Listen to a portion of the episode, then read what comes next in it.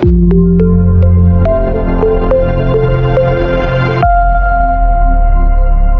Ceturtdien vēl 108 cilvēkiem Latvijā atklāta saslimšana ar covid-19 un saņemti ziņojumi par trim nāvēm, liecina slimību profilakses un kontrolas centra apkopotie dati.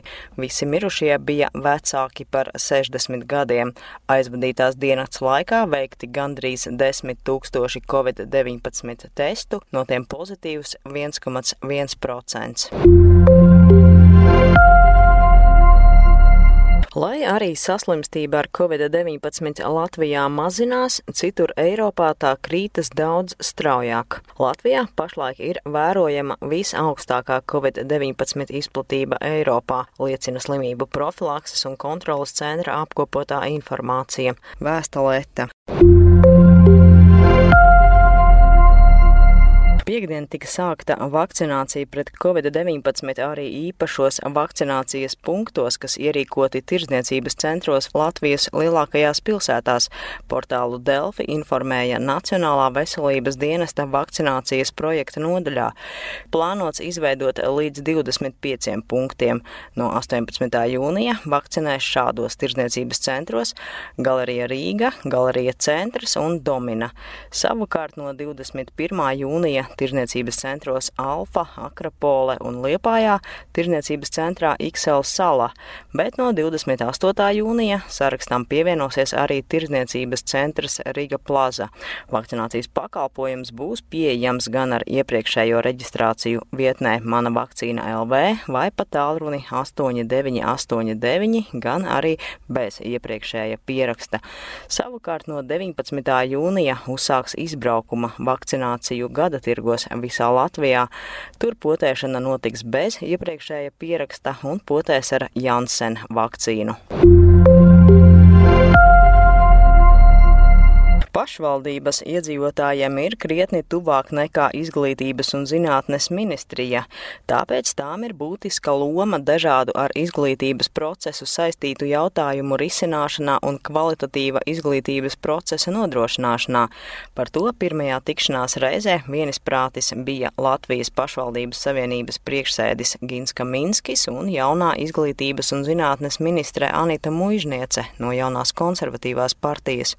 Pārunājot Runājot jautājumu par skolu gatavību jaunajā mācību gadā strādāt klātienē, Mužniece apliecinājusi, ka, citēju, mūsu uzstādījums ir, ka ar 1. septembri visas mācību iestādes, pirmskolas, pamatskolas, vidusskolas, profesionālās mācību iestādes un augstskolas atgriežas pie mācībām klātienē. Kaminskis ministrei apliecināja viņa vadītās savienības un visu pašvaldību gatavību izplatīt sagatavoto informāciju, lai veicinātu vakcinēto pedagoģu īpatsvara pieaugumu, kas ir nozīmīgs faktors klātienes mācību mācību atsākšanai rudenī, uzsverot pašvaldību lomu kolektīvās imunitātes veicināšanā, ka Minskis norādīja, ka ir svarīgi atrisināt jautājumu par datu pieejamību pašvaldībām. Tikmēr Lietuvas veselības ministrija iecerējusi vakcināciju pret covid-19 piedāvāt arī pludmalēs, lai palielinātu vakcinēto cilvēku loku un padarītu potēšanos pieejamāku, vēsta portāls 15 min LT, kā paskaidroja kaimiņu valsts veselības ministrijas pārstāve Justīna Aleksaite. Citēju, mēs plānojam pasākumus, kuri varētu šķist ekstrēmi, bet ticam, ka tie nostrādās. Telts pludmalēs švent Ventojos un Palangā. Mēs vēlamies, lai vakcīna atnāktu pie ļaužu namdurvīm, lai atliktu tikai pastiept roku un sapotēties.